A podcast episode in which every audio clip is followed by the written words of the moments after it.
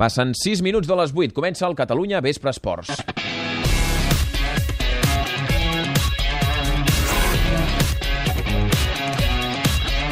Després que hagi passat el partit de Lliga de Campions contra l'Ajax, ja podem parlar obertament del clàssic. Pensar-hi em fa l'efecte que tothom, fins i tot Luis Enrique, fa dies que hi pensa, però parlar-ne quedava malament. Ara ja no.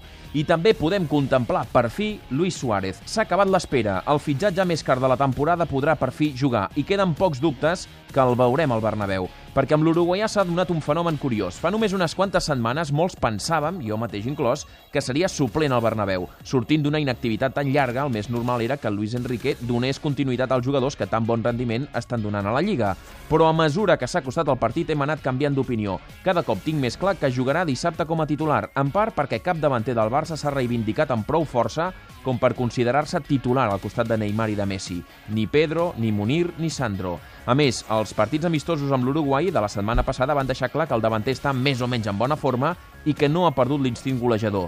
I Suárez té un efecte intimidador que no s'ha de menys tenir al Bernabéu. Per tot plegat, doncs, la pregunta que fa una setmana semblava tenir una resposta ara s'acosta a la contrària. Ens queden, però, tres dies per analitzar qui i com ha de jugar al Bernabéu.